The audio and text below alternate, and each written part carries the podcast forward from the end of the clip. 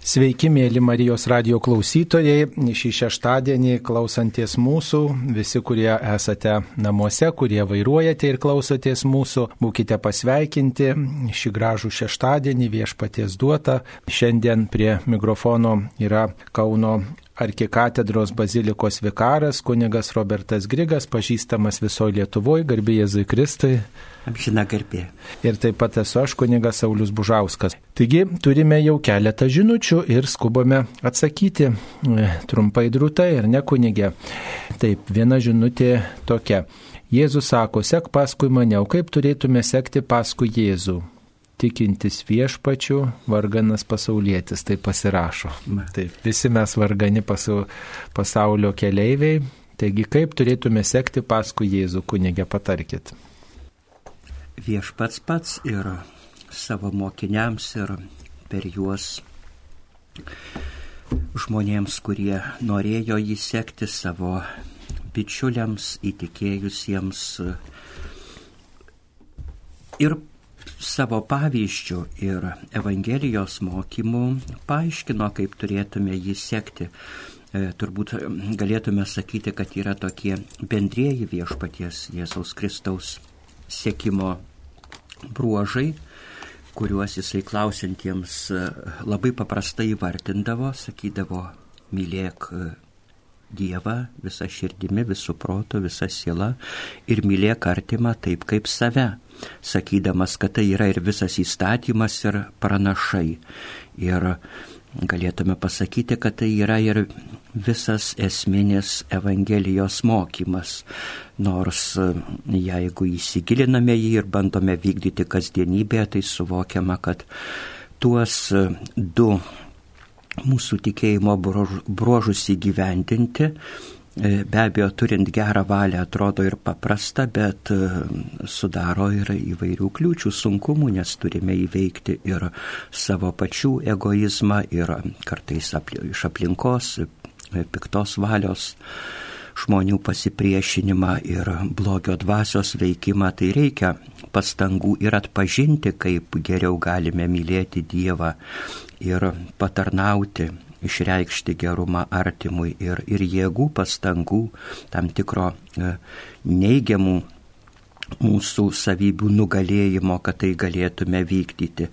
Tai čia tie tokie pagrindiniai sėkimo Kristaus mokymų bruožai, o toliau ir gyvenimo patirtis ir žmogaus pažinimas rodo, kad turbūt asmeniškai kiekvieną individualiai, kiekvieną žmogišką asmenį Dievas per Jėzų Kristų kviečia įsekti tuo ypatingu jam skirtų keliu, ką pašaukdamas į dvasinę tarnystę, ką pasaulietčio savo profesijos, šeimos kelyje, dar pagal jo asmeninius gebėjimus, įvairius talentus, kuriuos esame pašaukti neužkasti, kaip Evangelija sako, bet kuo plačiau išvystyti, išskleisti e, bendram mūsų aplinkos, mūsų gyvenamos tautos, žmonijos labui. Taigi harmoningai atsiliepdami į e, ir viešpaties paraginimą, ir mūsų gyvenimo tikrovės savo pačių pažinimą, geriausiai galime įvykdyti tą Jėzaus kvietimą jį sekti. Tai laikytis Dievo įsakymų ir ypač to įsakymų mylėti Dievą visų protų, visą širdimi, vis, visomis savo galiomis, mylėti viešpatį ir liūdyti Dievą domėtis pirmiausia jo mokymu, jo evangeliją, e, lankyti bažnyčią, kuri štai perteikia Jėzaus mokymo žinę. Taip, tai čia ilga kalba turbūt, bet trumpai drūtai, mylėk, mylėk kitą žmogų iki pasiaukojančios meilės ir tai bus sėkimas viešpačiu. Taip, kaip suprasti Dievo pašaukimą? O kaip jūs, gerbiami kunigai, Kristus pašaukė, pakvietė į kunigystę, klausė Valė. Dievo pašaukimas. Na tai pirmiausiai vidinis tikrumas, vidinis tikrumas mūsų sąžiniai, mūsų, mūsų patyrime, mūsų mūsų protu, reiškia tokia trauka. Trauka traukia Dievas, traukia tarnystė Dievui. Ir tiesiog atrodo, tai yra svarbiausia misija ir, ir tą pašaukimą, tuos ženklus perskaitai ne tik tai, kad šiandien taip aš noriu, bet Pavyzdžiui, aš perskaičiau ir aplinkoje daugybė žmonių į tai kreipė, nors aš nieko nesakiau apie savo išgyvenimus, savo jausmus, savo patirtis, bet daugybė žmonių, įvairių žmonių visiškai kai kurie nesuinteresuoti žmonės, ten, pavyzdžiui, kunigas koks pakvy, pasakytų ar kokie pamaldimo terėlė, tai gal vienaip reaguotum, bet kaip, pavyzdžiui, na, sakykime, neįgalų žmogus, žmogus su negale tau pasako, kad štai tu turbūt būsi kunigas, kokioje parapijoje tu dirbi, jau tu galvoji apie tokią tarnystę. Tai jau, jau toks iškalbingas ženklas ir jeigu, pavyzdžiui, įvairių žmonės įvairiomis aplinkybėmis va tokia žinia tau taiko, tai tada pradedi galvoti, kodėl tas žmogus taip kalba, juk jisai nėra suinteresuotas, čia tiesiog kaip nesąmonę pasako tokia, ar ne, kažkokį keistą dalyką, bet jeigu tu turi tokią slapt, slaptą mintį, slaptą svajonę, tai tas sutapimas toks ir, ir gali būti vienas iš Dievo ženklų, o toliau ta trauka, trauka mm, galvoti apie tikėjimą, trauka melstis, trauka būti su Dievu, tas noras rūpestis, kad kiti apie Dievą išgirstų. Na, va, tokie dėmenys ir sudaro tą pašaukimą, ar ne? Ir tada bažnyčia tyria, ar, ar tie pašaukimo ženklai yra matomi, ar, ar tikrai užtenka ir nuolankumo, ir klusnumo, ir įsiklausimų, ir noro ginti bažnyčios mokymą ir tam skirti seminarijos metai. Tai taip trumpai. Dar pridėkit kunigė kokią išvalgą. Tikriausiai kiek, kiek yra žmonių atėjusių į dvasinės tarnystės luomą, tiek yra ir tų įvairių pašaukimų, nes Dievas kiekvieną žmogų prakalbina skirtingai, kaip gražiai vienas rašytojas sakė, su kiekvienu iš mūsų Dievas turi skirtingą meilės istoriją. Taigi, dažnai tai yra tokių įvairių faktorių visuma. Būna nutinka, skaitome iš bažnyčios istorijos šventųjų gyvenimo aprašymų, kad atrodo, kad tas Dievo kvietimas žmogų persmelkia lyg žaibas, jam nelieka abejonių ir jisai su visa vidinė jėga siekia to pašaukimo. Bet tai galbūt daugiau tokie išimtiniai atvejai, dažniau kaip kunigas Saulis dalykiškai vaizdingai nupasakojo, tai yra ir mūsų aplinkos požiūris ir gerų sutiktų žmonių ar perskaitytų knygų, ar tokios vidinės e, maldos patirties su Dievu mūsų gyvenimo įvykių, e, paraginimai, kurie leidžia asmeniui suprasti, kad turbūt jisai yra kviečiamas viešpaties į šitą tarnystę ir ragina jį tie įvairūs įvykiai, susitikimai, patirtys, kuriuos e, žmogus e, perskaito kaip Dievo kvietimo ženklus, ragina siekti dvasinės tarnystės Dievui tikinčiųjų bendruomenėje. Taip mums paskambino. Romas paskambino. Taip, Romai, klauskite, jūs eteryje. Garbėsiai Kriste. Per amžius, Romai. A, aš čia turiu tokį klausimėlį. Taip. Kaip kovoti, kaip kovoti su patyčiomis? Pavyzdžiui, dabar, kaip ir mūsų ta valdžia, e, dabar ta galimybių pasą. Nu, tai tai čia pasityčiomis jau yra. Jau pati valdžia tyčios iš mūsų, tai kaip čia tas pavyzdys eina visai mūsų tai Lietuvai. Taip. Čia išvelgėte patyčias. Na tai patyčias ne tik šitoj vietoje, bet ir platesnių tų patyčios, patyčio praiškų yra įvairiose srityse. Kunigė, gal kokių minčių turite? Matot, jeigu ne, mes nepritarėm, ne, nepritarėm, taip sakant, valdžios kažkokiem žingsniam, na tai yra demokratinės priemonės, pasisakyti galime e, įvairiais klausimais ir yra žmonių grupės, kurios tai telkėsi, būrės ir pasisako ir išreiškia savo nepasitenkinimą, protestą. Nu, aišku, demokratinėje krašte valdžia turėtų atsižvelgti į tą piliečių norą, į tą piliečių nuomonę. O šiaip tai Šiaip tai e, kiekvienas mes turim, reiškia, savo gyvenamui vietoj tam tikrą deputatą išrinktą į Seimą, Seimo narį, na tai vad per jį galima taip pat irgi reikšti tam tikrą savo poziciją, galima elektroniniais laiškais atrašyti.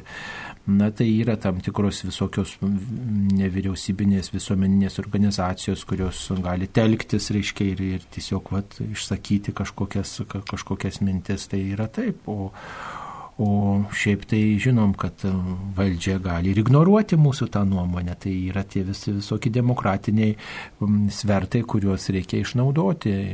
Va, tai Žinot, turbūt jūs norite pasakyti gal, kad kaip čia ir kartais girdisi, kad reikia versti valdžią, kad reikia versti valdžią ir kitą rinkti, ne, bet visada reikia pagalvoti, o kas bus po to, ar tikrai yra žmonių pasiruošusių tinkamai valdy, valstybę valdyti, ar, ar, ar nebus dar blogiau, žinot. Tai va, apie tai reikia galvoti, o tikinti žmogus tai tikrai yra kviečiamas melstis ir ir tikrai na, rimtai melstis, nuoširdžiai melstis už, už, už valdžią, už to žmonės, kokie jie bebūtų valdžioj, kad viešpats teiktų šviesos. Kunigė, pridėkit kokią mintį. Šitoje srityje būčiau turbūt labiau pono e, Romo mums paskambinusio bendramintis, nes na, nesu nusistatęs nei, prie, nei, nei prieš sveikatos apsaugą, nei prieš skiepus kaip tokius, bet manau, kad tos priemonės, kurias dabartiniai mūsų valdantys vykdo, yra perteklinės, be dialogo su piliečiais per daug suvaržančios įvairiai mąstančių žmonių laisvės ir teisės ir galbūt ne pačios priemonės e, laikytinos patyčiomis, kiek ta forma, kaip jos pateikiamos, tai va to tokio pagarbaus atsižvelgimo dialogo ir jau senokai dėja nėra, bet aš matau tai kaip tokia platesnė problema, tai nėra vien tik tai e, šitos dabar sudėtingos e, lygos situacijos atvejis, bet tai yra jau ilgą laiką besitęsintis toks gal bendras valdžios ir piliečių santykių krizės pasireiškimas, kurį mes matome ir, ir politikos srityje, ir šeimų srityje, žinome, kiek yra vieni kitų negerbiančių, suirusių ar, ar, ar ant suirimo slengščio stovinčių šeimų, matome mokyklose netgi vaikų ir, ir mokytojų, vaikų tarpusavio santykiuose. Tai tikintys žmonės tikriausiai pagristai galime išvelgti, kad čia yra ir mūsų kaip nu, visuomenės didelės dalies e, santykio su Dievu krizė, tam tikras sumenkėjimas ir, ir toks pagarbos asmeniui praradimas, kuris persmelkia visas gyvenimo sritis.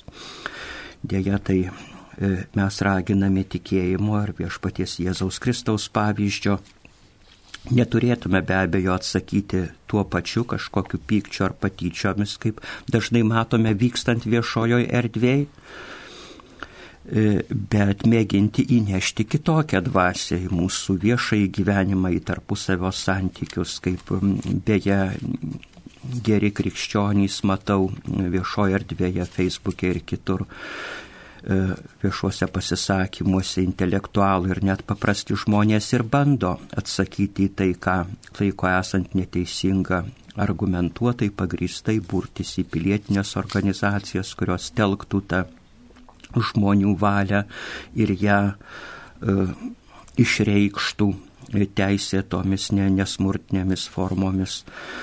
Ir kadangi viskas kyla, mes matome vis tiek iš žmogaus širties, iš asmens, iš asmenų, tai turbūt turėtume patys nepasiduoti tai tokiai patyčių ar tegul ir psichologinio ar žodinio smurto kultūrai, o nešti kitokią tvirtą, principingą, bet krikščionišką dvasę į savo aplinką. Taip, dabar e, dar panašus mums paskambino. Gediminas iš Vilniaus. Taip, Gediminai, klauskite. Garbėjai Kristui. Per amžius. Noriu paklausti, reiškia, mes kai krikštėm vaiką, čia jau tas buvo, nu ne dabar jau senokai, reiškia, ir maldasninkai atradom vardą, žiūrėjom dviesę su žmona, reiškia, šventas Adelardas. Matėm abudu Adelardas. Pakrikštėm Adelardu. Kunigas paklausė, ar tikrai Adelardas, kad tokio nėra Adelaras. Nu ir mes vis tiek jį pakrikštėm Adelardu. Įrašė tą vardą, reiškia. Ir kažkaip paskui pažiūrėjau maldaknygiai, kad tikrai Adelaras, o ne Adelardas. Tai vad, kaip dabar elgtis? Nu tai kaip dabar elgtis? E, tai jau kaip pakrikštijote, taip jau ir, ir bus vaikas jau tiesiog tokiu vardu. Tokiu vardu vaikas e, jau ir tokį vardą nešios. E, galbūt jūs pridėjote kokį kitą vardą, e, taip sakant, savo, savo vaikui kokį, kokio nors kito šventojo. Vat, E, jeigu pridėjote, tai valio, reiškia, jeigu nepridėjote, na tai čia matote Adelaras, Adelardas, čia yra vardai panašus ir jeigu e, šitą turite, turite šitą vardą, jums jis patinka ir, reiškia, atradote, kad šventasis Adelaras toksai žinomas iš germanų vardo Adelard, turbūt toksai čia kilmingas ir aukštas būtų išvertus iš vokiečių kalbos, kunigė, jūs geriau vokiečių kalbą mokate. Tai, tai e, tikriausiai tikriausiai, kad tas šventasis Adelaras ir bus jūsų vaiko globėjas, jeigu toksai šventasis buvo ir jeigu toksai, reiškia, germanų kraštuose minimas, kiek mes galime žinoti. Tai nenusiminkite, žinot, tiesiog galite pagalvoti, kad vaikas vis tiek priims ir sutvirtinimo sakramentą ir tada pasirinks dar kokį šventą, šventą jį. Galime ypatingai pagalvoti, o kokį vardą, kokį, kokį kokio šventojo globai norėčiau tą vaiką pavesti, dar kokio kito šventojo, nu ir tiesiog prašyti to šventojo globos, tokį pamaldumą puoselėti, o to vardu tai rekomenduojam nekeisti, jau kokį pakrikštijo, toks ir tegul būna. Ir matot, krikštas yra neatšaukiamas ir, ir tiesiog ir tas vardas, tas vardo keitimas, tai reiškia toks tam tikros ir misijos keitimą. Jums patiko, jūs įsirinko, tuo metu taip atrodė svarbu, visa kita, na ir taip tegul būna. Ir tiesiog, na, vaikas užauks ir nešios tokį vardą. Taip pasakyčiau. Taip, e, dabar dar mes turime keletą žinučių. Sakykite, prašom, ar priklausomybę turinčiam žmogui galima eiti sakramentu, ar kas kart reikia eiti iš pažinties. Nu, aišku, iš pažinties reikia eiti dažnai ar ne kunigė ir, ir tiesiog stengtis, na, bent jau kas dvi savaitės eiti geriausiai, vat, ypatingai, kai žmogus turi priklausomybę ir ta, ta priklausomybė gal ir įvargina ir jisai gal nupuola toj priklausomybei, kas, kas porą savaičių, galbūt ir dažniau nueiti iš pažinties, nes tas duoda tam tikrą tokią drausmę, sąžinę ugdo. E, va, ir šiaip tai tikrai komunija tai nėra mums medalis už tokį gyvenimą padorų, bet yra pagalba, yra vaistas, yra maistas ir e, tiesiog ateiti ne kaip nuopelno prisirinkus iš doro gyvenimo, štai priimti komuniją, bet ateiti kaip vaisto nuolankę, sugrūdusią širdim, štai sakom, nesuvertas, kad užeitum po mano stogų, kad ateitum į mano širdį bet tik tark žodį ir mano siela pasveiks. Tai išreiškia ir atgailą, ir troškimą viešpati priimti. Tai o štai su tokia sugrūdusia širdim, išalkusia, ištroškusia širdim artintis prie viešpaties ir prašyti nuolat pagalbos, kad padėtų įveikti priklausomybę. O šiaip tai su ta priklausomybė reiktų galinėtis turbūt, ar ne? Reikia ar ne tik vienam pačiam, bet arba kreiptis į specialistus, arba į kokią bendruomenę, pavyzdžiui, anoniminiai, ten ar alkoholikai, ar narkomanų bendruomenės, ir ar lošėjų bendruomenės, ar priklausomi nuo interneto žmonės būrėsi, telkėsi ir vieni kitus palaiko, eina 12 žingsnių programą ir tai yra veiksminga pagalba, nes jeigu turiu priklausomybę ir čia vieną savo, ai tai čia nieko tokio, arba ai tai aš čia įveiksiu, tai žinokit, nieko nebus reikia mm, labai pagalbos ieškoti tam, kad įveikčiau priklausomybę ir pirmas vaistas tai yra nuolankumas, kuris padeda, padeda priklausomybę įveikti. Tai nuolankiai pripažinti, kad nesusidoroju, kad turiu problemų va, ir kad vienas nepakelsiu, nepakelsiu vienas vieną šito, šito iššūkio ir tai yra kelias į sveikimą. Kitaip tai, kitaip tai nieko, nieko nebus ir mm, Kitaip tai puikybė užtvindys ir vėl mane nugramsdins į priklausomybės dugną. Tai va, tokios žinios mm, ir taip jums patartume. Taip. Ar Lietuvos valstybė padeda bažnyčiai materialiai išlaikyti kunigus, ar suteikia socialinės garantijas gydimą, pensijas, neįgalumo išmokas? Na tai yra Lietuvos viskupų konferencijos tam tikras e, sutarimas su e, valstybės institucijomis, kad e, kunigai, nu, jų Lietuvoje yra apie 700 turbūt, jie, jie yra socialiai apdrausti, reiškia, jie gauna gydimą. Va, e, taip, bet pensijos tai tikrai negauna, nebent reiškia, kaip ir bet kuris Lietuvoje gyvenantis žmogus, ten minimumas kažkoks yra, man atrodo, apie šimtas eurų e, dabar, e, jeigu neklystu. Tai reiškia, va tokią minimalę pensiją žmogus gauna, bet šiaip kunigų pensininkų pasirūpina ta parapija, kurioje jisai dirba, ar ta viskupija, kurioje jisai dirba. Kunigai patys kai kuriuose viskupijose turi tokių solidarų solidarumo fondus, jie, jie reiškia patys, būdami darbingo amžiaus, moka tam tikrą e, tokį mokestį į tam tikrą fondą ir iš to fondo mokami tokia, tokia parama tiem vyresnio amžiaus kunigams arba tiems, kurie susirga. Tai va, tokia sistema yra. O jeigu žmogus tampa neįgaliu, na tai, mm, tai tada neįgalumo iš, kaip ir bet kuris kitas Lietuvos Respublikos pilietis mm, gauna. Tiesiog mm, tas neįgalumas nustatomas medicinos įstaigų ir tada ten atitinkamai ir, ir, ir ta pašalpa kažkokia mokama. Tai va taip, o, o šiaip tai kunigai gyvena e, iš to, ką žmonės paukoja, iš mišių taip vadinamų stipendijų, reiškia, žmogus užsakydamas šventasias mišes paukoja kunigo pragyvenimui. Jeigu mm, ta mišių stipendija yra didelė, arba ten, pavyzdžiui, kunigas paukoja e, kelias mišes per dieną, mm, turi, reiškia, žmonės prašo, tai tada viena, viena ta binacija atiduodama yra į kuriją ir kurie paskirsto kitiems kunigams, kurie negauna stipendijų. Šiaip tai mm, daugybė provincijoje gyvenančių kunigų, tai tikrai mm, neturi tų stipendijų mm, kiekvienai dienai, gal tik šeštadienį, sekmadienį žmonės užsako šventasias mišes, tai kai kuriems kunigams tikrai nėra, nėra lengvas tas išgyvenimas, ypač tose parapijose, kur yra mažai žmonių, mažai bažnyčios lankytojų, tai tikrai rekomenduojam vykti ypač į į savo kaimo parapijas, ten, kur jūsų artimieji palaidoti, kur gyvena jūsų jūsų, jūsų giminės tose miesteliuose, kaimuose ir ten, jeigu yra kunigas, tikrai palaikykite ten, užsakykite mišes už savo artimuosius, būtent tenai,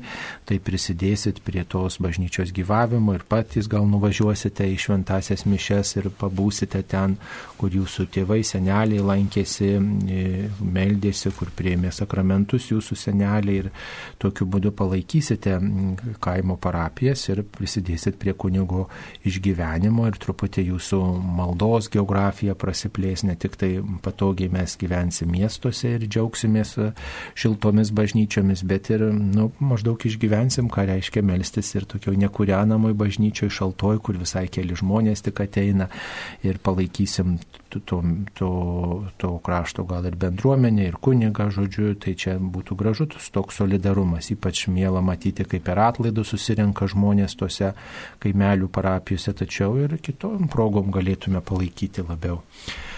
Taip.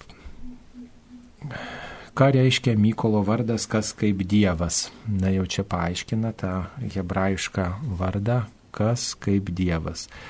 Mikael ką tai galėtų reikšti? Nu tai ką tai galėtų reikšti? Tai reiškia tą, kad, mm, reiškia, Mykolas, e, e, Mykolas Arkangelas atspindi paties viešpaties tokią nugalę, ne, jisai kaunasi su, su, su šitonu ir laimi tą kovą.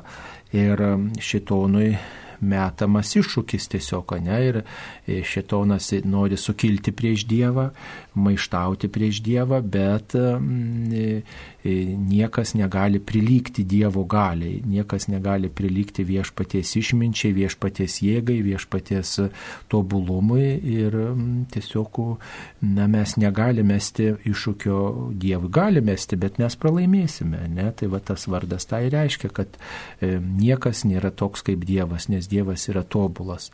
E, Dievas yra nu, absoliuti gale, ar ne? Ir, ir sukilti prieš Dievą tai reiškia pasirašyti savo pražūties nuosprendį. E, nu, pastumti save į kančią, ją atskirti į, į, į nuolatinę, nuolatinę graužatį, į tamsą nu, ir, ir užkirsti savo kelią.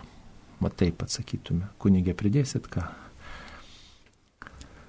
Ir tas arkangelo Mykolo vardas paimtas iš šventojo rašto tradicijos, kur taip ir apibūdinamas kaip.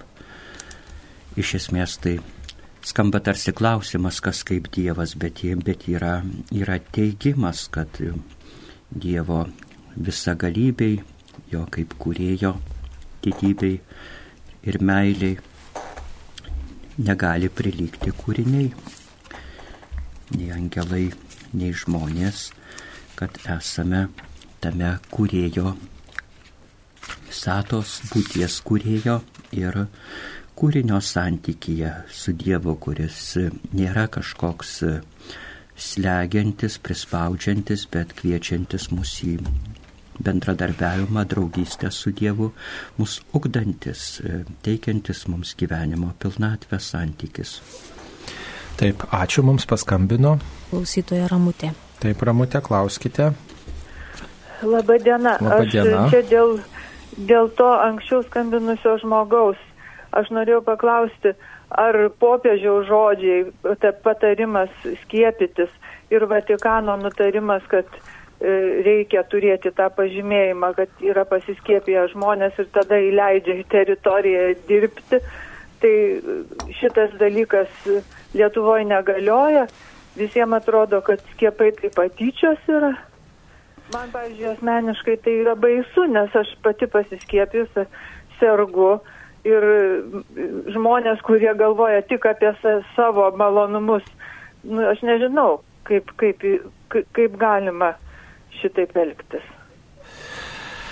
Nu taip, čia matot labai jautrus skaudus klausimas. Tie skiepai, viena vertus tai žinom, kad skiepai išgelbėjo žmoniją nuo daugybės lygų ir, ir tiesiog ir, ir tai yra pagalba suvaldyti ir, ir, ir kitas lygas ir pandemijas. Turbūt daugelis žmonių su, tikrai yra pasiskiepiję ir, ir tikrai naudojasi šitą galimybę, kurią sudarė valstybės įvairiose įvairi, valstybės savo teritorijose.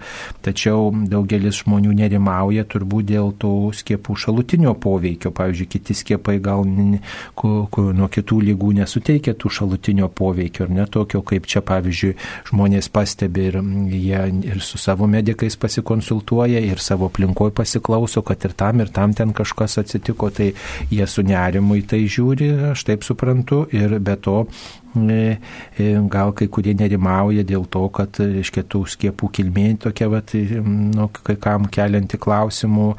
Ir E, taip pat e, na, va, tas skiepijimuose toksai e, gal strigimas dar susijęs su tuo, kad na, valstybė kažkaip primiktinai, va, na, taip, tarsi taip labai tokia prievarta tą stumia ir žmonėms tas atrodo nu, nepriimtina, kaip taip galima, jo labiau, kad nėra ten iki galo ištirta ir kai kurie medikai skeptiškai pasisako, nu, tai va toks susipriešinimas yra, o žinom, kad tikrai pandemija, ta, ta lyga, koronavirusas tikrai labai daug ir, ir, ir tos kančios atnešė į pasaulį ir blogio ir tikrai čia yra tokia paini situacija. Na, mūsų, matot, Marijos radijo misija nėra spręsti šitą klausimą, mes neturim nei žinių, nei, nei specialaus įsilavinimo, kad šitus klausimus spręstume.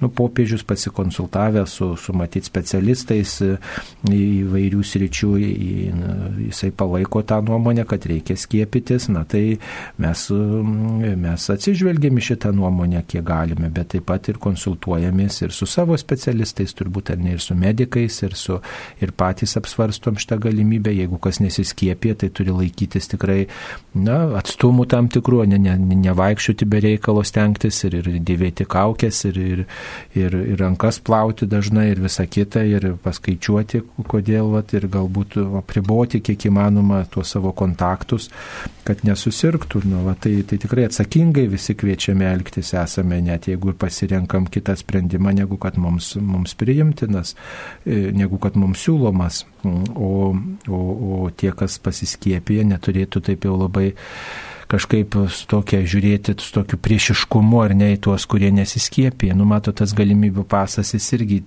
iššūkis didelis. Vieni, vieni tai mato kaip mm, galimybę suvaldyti ne, ir skatinti tuos skiepus, kiti tai mato kaip diskriminaciją. Dar kitiem tai nei šilta, nei šalta, nes jie niekur per daug ir nevaikšto. Na tai čia toks, žinot, yra vat, na, susipriešinimo dalykas, bet mes tikrai kaip tikinti žmonės išsaugokim ramybę, išsaugo, klausykim savo sąžinės, atsiklauskim įvairiausių specialistų nuomonės, ne įvairiausių specialistų, pasitarkime ir, ir, ir tikrai laikykimės tų, tų patarimų, kuriuos medikai kviečia laikytis, specialistai kviečia laikytis ir ir tikrai gerai apsvarstykim, kokia čia ta išeitis būtų tinkamiausia savo sąžinėje, negelbėdami ne tik save, bet ir kitus. Mums paskambino. Juozas iš Kauno. Taip, Juozai, klauskite. Per amžius. Šis karpė. Norėjau paklausti duoti apie, apie tris arkangelus. Nu, Nikolas, tai aišku, nu, nugalėjo Jupiterį, Jis Gabrielius pasireiškė Marijai, o koks kuo žymus buvo Rafaelis tada Rapolas. Tai tiek norėjau ačiū. Na tai Rapolas įžymus tuo, kad jisai, jo vardas reiškia Dievas gydo, jisai atlieka tam tikrą tokią piršlio, piršlio misiją, apie tai rašoma Tobito knygoje. E, galite ten pasiskaityti plačiau. Rafael Dievas gydo, e, nes e, tas arkangelas tiesiog pasitarnavo, kad žmogus būtų išgydytas. Na tai kartu ir primena mums, kad Dievas turi visokias žmogų gelbstinčias galias. Ir mes tokį viešpatį ir šloviname, kuris mums yra talkininkas. Tai Senajame testamente yra tokia knyga, e, Tobito knyga, e, reiškia, tarp istorinių knygų ir galite pasiskaityti apie, apie Arkangelo e, Rapolo Rafaelio veiklą. Taip, dar turime žinučių Per Marijos radiją neseniai girdėjau, kad šventose mišiuose turi būti visada tik trys skaitiniai, ne vienas, ne du, o tik tai trys buvo pabrėžta. Ir štai po naktinės adoracijos per mišęs skaitomas tik vienas skaitinys iš Evangelijos, po to dieną kievalas laikė mišę šilvu ir skaitė tik du skaitinius, kaip suprasti. Trys skaitiniai, mėloji genutė, yra tik tai sekmadienį ir iškilmių dienomis. Sekmadienį ir iškilmių dienomis. Va, pirmasis skaitinys iš Senojo testamento, Velykų laikų iš apaštalų darbų, paskui psalmė, tada antrasis skaitinys ir tada trečias skaitinys, tai yra Evangelija. Evangelijos ištrauka, antras skaitinys visada iš Naujojo testamento, tai čia sekmadieniais ir iškilmėse. E, va, ir per laidotuvių mišęs irgi e, gali būti trys skaitiniai. Mm, tačiau, kai jeigu yra šiokiadienis, tai yra tik tai vienas skaitinys iš Seno arba Naujo testamento, tada psalmė ir tada Evangelijos ištrauka. Tai e, štai kitaip tikrai negalėjo būti sakoma, nes mes taip, taip darome ir taip sakome. Taigi, mm, taip paaiškinkite apie kunigų mokslo laipsnius, kaip jie gaunami kunigų mokslo laipsniai. Na tai seminariją baigdami gauna bakalauro laipsnį ir, ir taip pat magistro laipsnį gauna, tada jeigu siekia mokslo gauna licenzijato laipsnį, tada doktorato laipsnis ir jeigu dar habilitacinis laipsnis, ne, habilituotas mokslo daktaras yra toksai.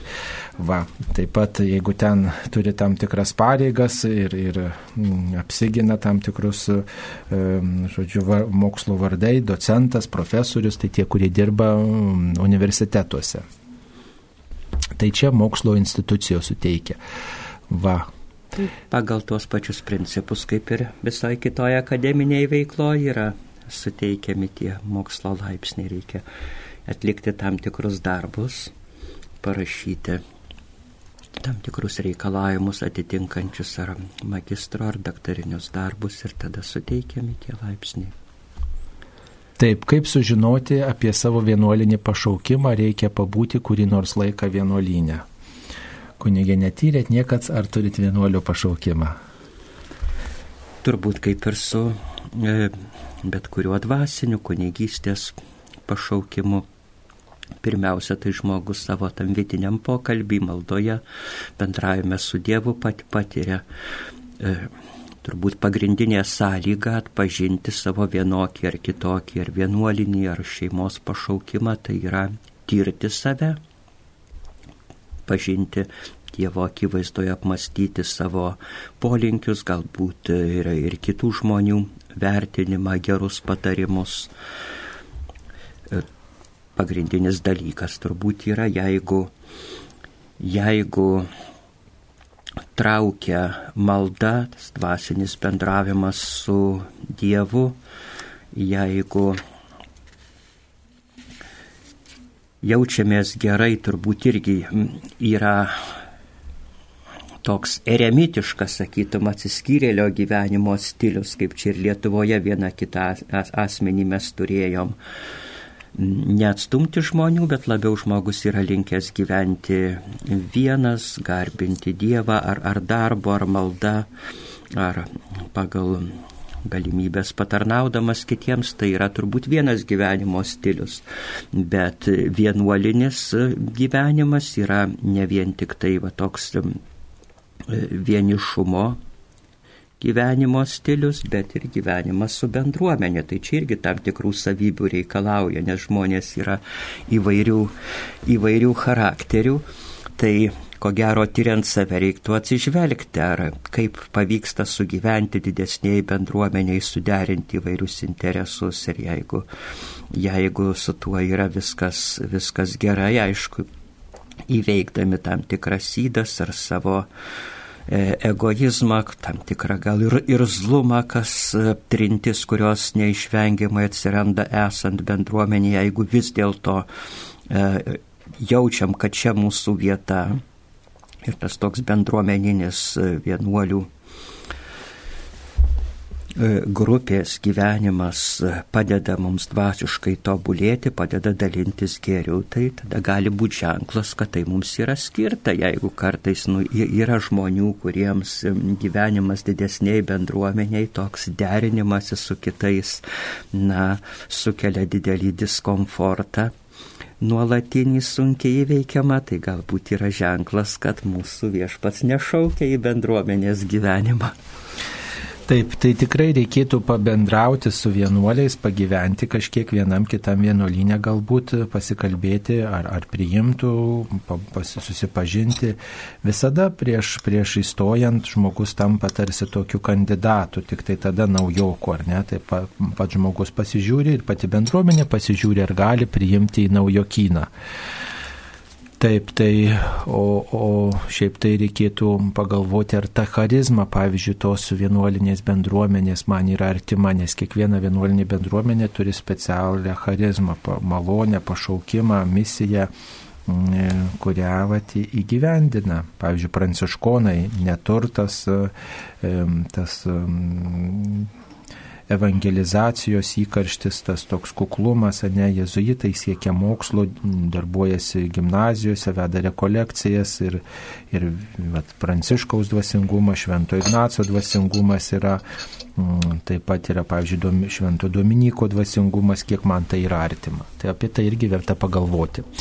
Panašus klausimas, kodėl vienuolės karmelitės vadinamos basosiomis. Na, gali susidaryti įspūdis, kad jos vaikščioja basos, bet jos niekada basos nevaikščiojo karmelitės nebent šiltuose kraštuose vaikščiodavo su basutėmis, bet ne dėl to jos yra basosios, bet dėl to, kad, kad šventoji Teresė iš Avilos, Teresė Vilietė, kurią minėjome spalio 15-ąją, jinai mirusi 1582 metais, reiškia 16 amžiuje, sulaukusi 67 metų, ji reformavo karmelitų, karmelitų, karmeličių ir karmelitų mm, ordinus, prisidėjo prie tos reformos ne, ir štai prisidėjo tokiu būdu, kad norėjo, jog štai vienuolės iš tiesų būtų neturtingos, kuklios, pasitikinčios Dievu, bet neturėtų tarnų, tarnaičių, neturėtų ten patogumų didelių, kaip, kaip būdavo anks, iki, iki to amžiaus, reiškia, kai kuriuose vienuolynuose tai tokių visokių perlenkimų, kad štai vienuoliais gyvena patogiai, turi tarnų.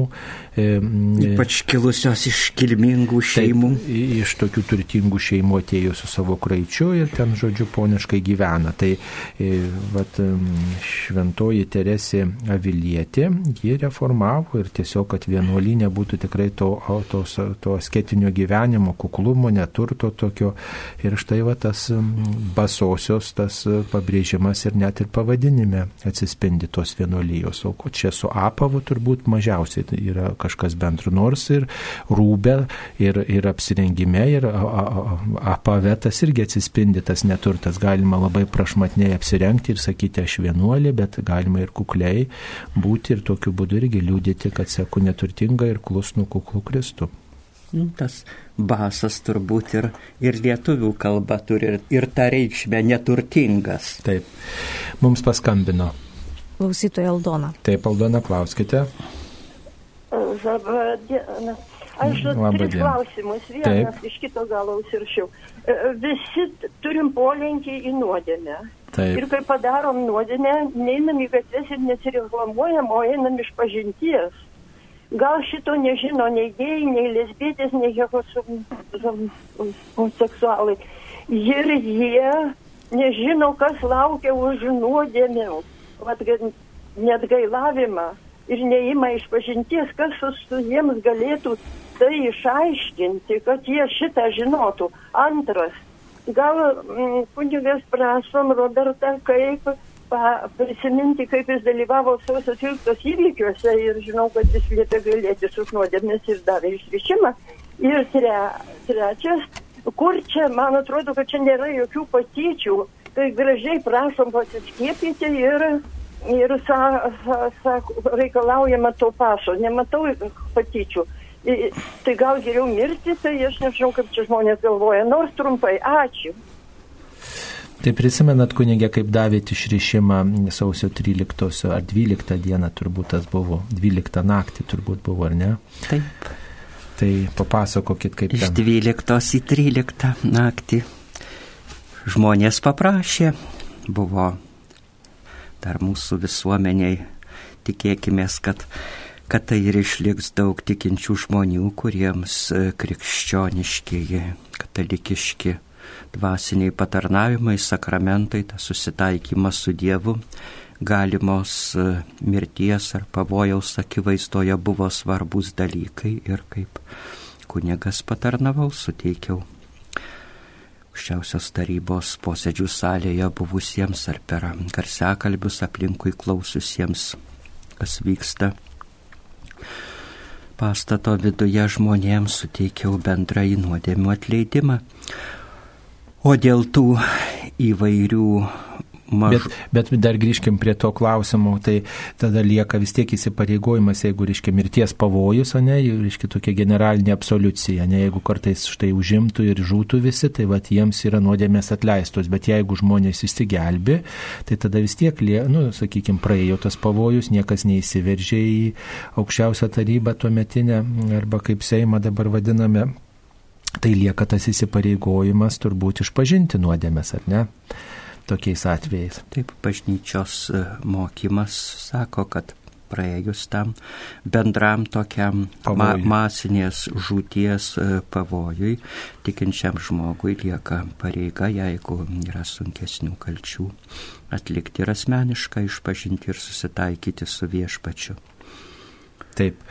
O dabar ką, ar kas galėtų paaiškinti, sakykime, visiems e, e, homoseksualių polinkių turintiems žmonėms apie išpažinties tą galimybę, ką apie tai galime pasakyti? Bažnyčios mokymas yra viešai skelbiamas, turbūt tų savo įvairius, ne visada, ne visada prigimties tvarką atitinkančius polinkius, taip viešai demonstruojančius ar paraduose nešančius į viešumą žmonės turbūt turbūt tikėjimo dalykai, vertybės ar atgailos ar nuodėmės supratimas nelabai veikia ir jie tą savo jau tą viešą raišką parodo žmonės, kurie yra susiję su krikščioniškojų tikėjimu, jiems brangios tikėjimo vertybės tradicija, net jeigu ir turi tų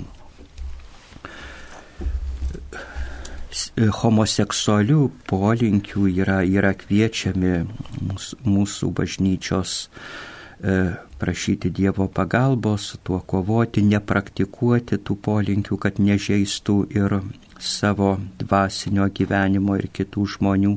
Ir kiek, kiek tenka skaityti, girdėti iš įvairių žmonių atsiliepimų, e, tie, kurie šitą prigimties sutrikimą turi, bet stengiasi tikėjimo laikytis, taip ir elgesi, o jeigu kažkam Dažnai tai atsitinka turbūt, turbūt jaunystėje, kai žmonės apskritai įvairioms ir, ir sveikoms, ir neįtin, neįtin tinkamoms idėjoms yra labai atviri, labai karštai užsidega jas reklamuoti, skelbti, tai dažnai tiem žmonėms nelabai yra svarbus e, tikėjimo paraginimai ar atgailos ar, ar nuodėmės supratimas. Na, e, geros valios tikintieji turi ir jiems linkėti gero, už juos melstis kažkaip e, jų ne, neišeidinėti, neniekinti, linkėti gero ir jiems kaip ir, ir kiekvienam Dievo sukurtam žmogui, bet kiek tai įmanoma ar visuomeniniam priemonėm, ar savo ir, ir, ir mūsų viešą laikyseną, ar per tuos e, atstovus, artimus tikėjimo krikščioniškoms vertybėms, kuriuos mes deleguojame, deleguojame į politiką, į valdymo struktūras ir per juos veikti kad e, tie mūsų prigi, žmonių prigimtį, šeimos tradicinę sampratą įžeidžiantys dalykai nebūtų propaguojami, nebūtų pateikiamas kaip kažkoks gėris ar, ar siektinas dalykas, kas gali sužeisti ir, ir visuomenės gyvenimo sanklotą ir dar tokį nekritišką augantį jaunimą suklaidinti.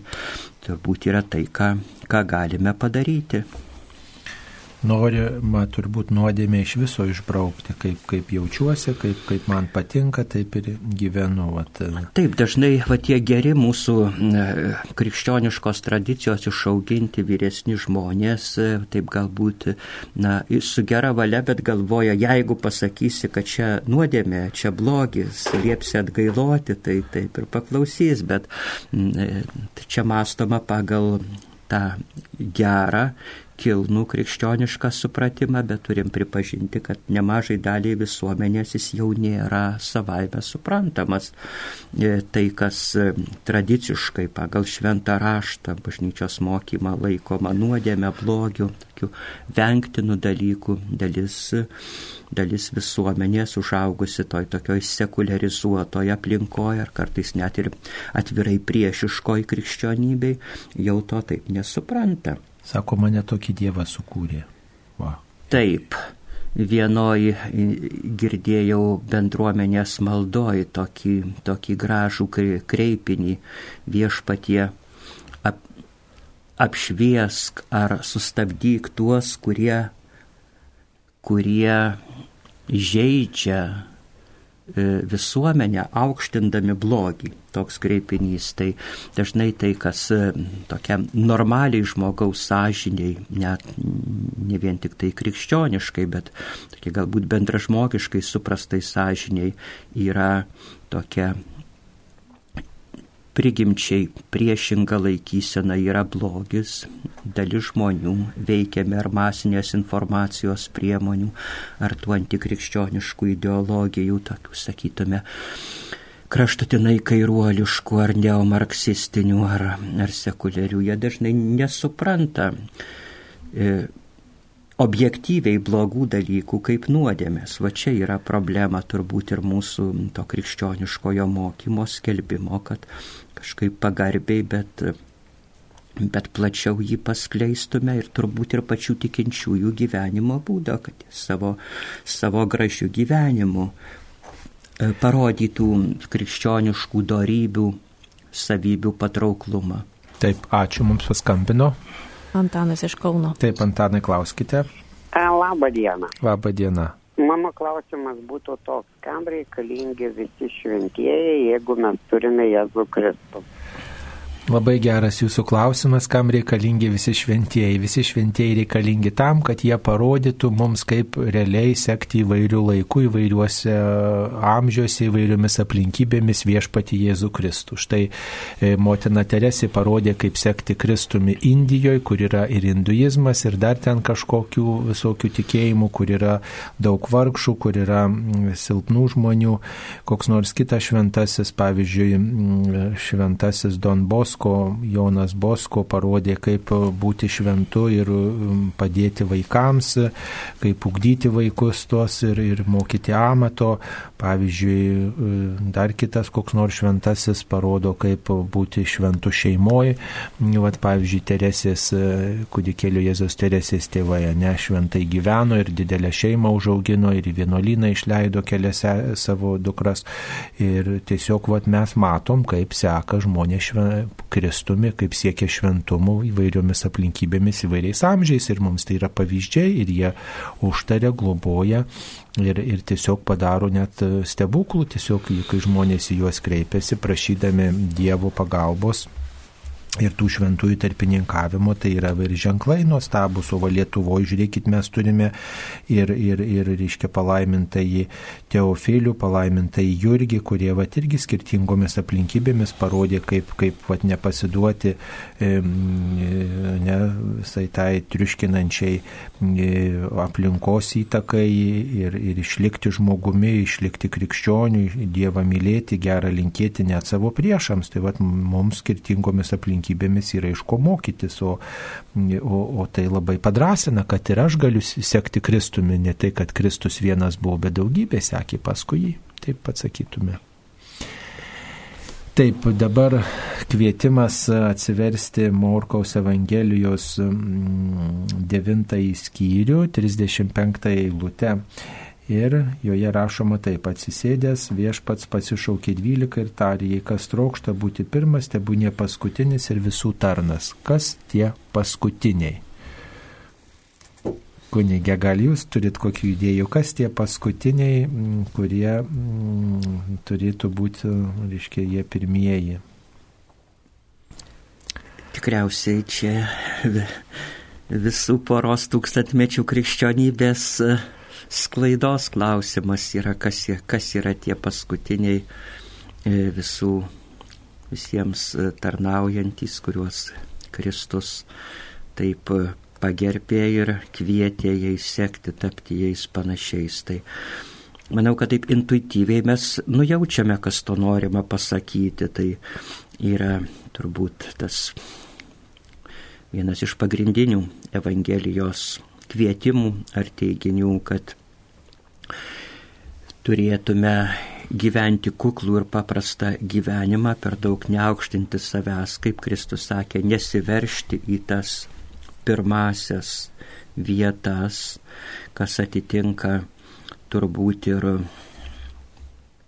tokio gerai suprasto žmogiško kilnumo iš, išgyvenimą. Mes taip turbūt ir paprastame būtinėme gyvenime gerbėme e, žmonės, kurie galbūt ir turėdami pagrindo būti kažkur pripažinti, įvertinti, būti, būti pirmose vietose, to taip agresyviai nereikalauja, pasitraukia tarsi į antrą planą. Kitaip sakant, jie yra kuklus ir nuolankus. Leidžia, paskutiniai tai kuklieji.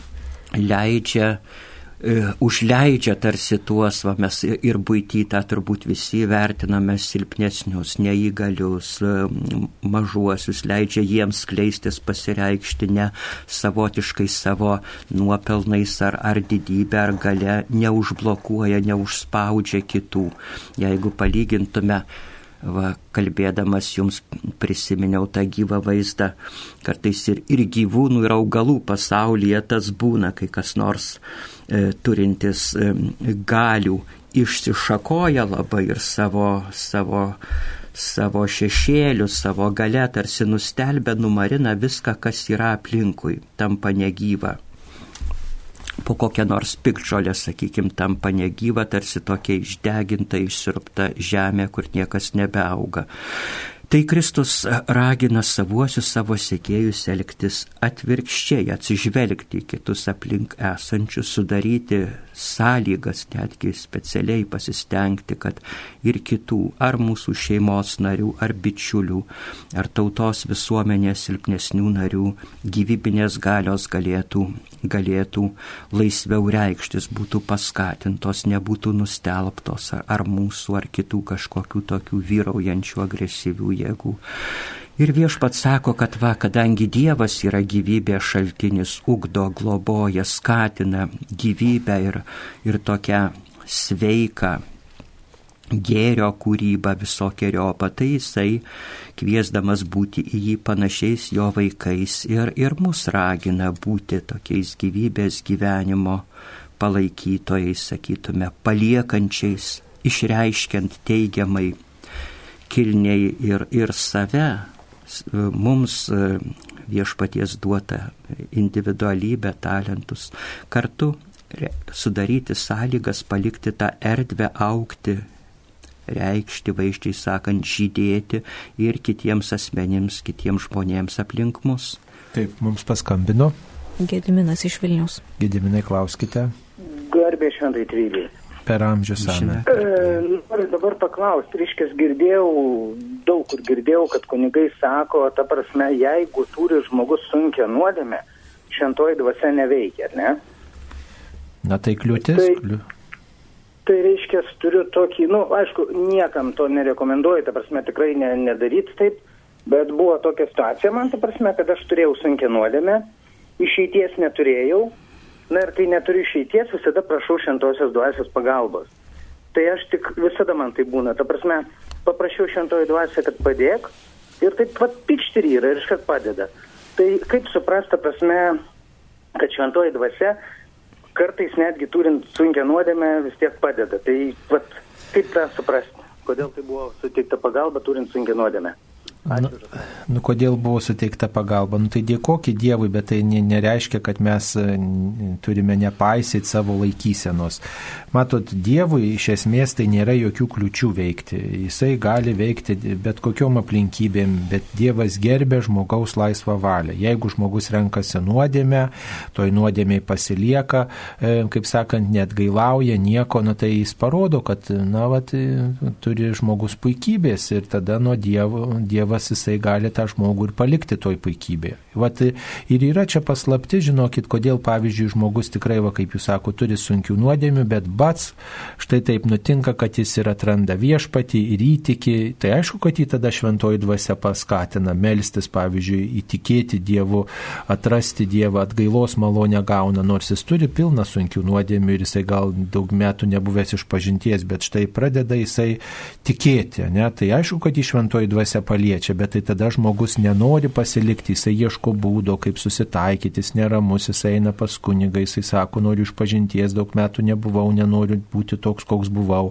Jis reiškia paliestas tos Dievo malonės, jisai Dievui dėkingas ir nori bendradarbiauti su Dievu. Štai kas yra. O jeigu žmogus štai, ai, gavau vat, malonę, kaip turėjau sunkę nuodėmę, tai ką? Tai reiškia visada galiu turėti tą sunkę nuodėmę ir prašyti tos dvasios. Tai čia jau kvepia puikybė man truputėlį. Ir, ir Dievas kitą kartą žiūrėk, imsi neišklausys jūsų toj sunkioj nuodėmė esančio.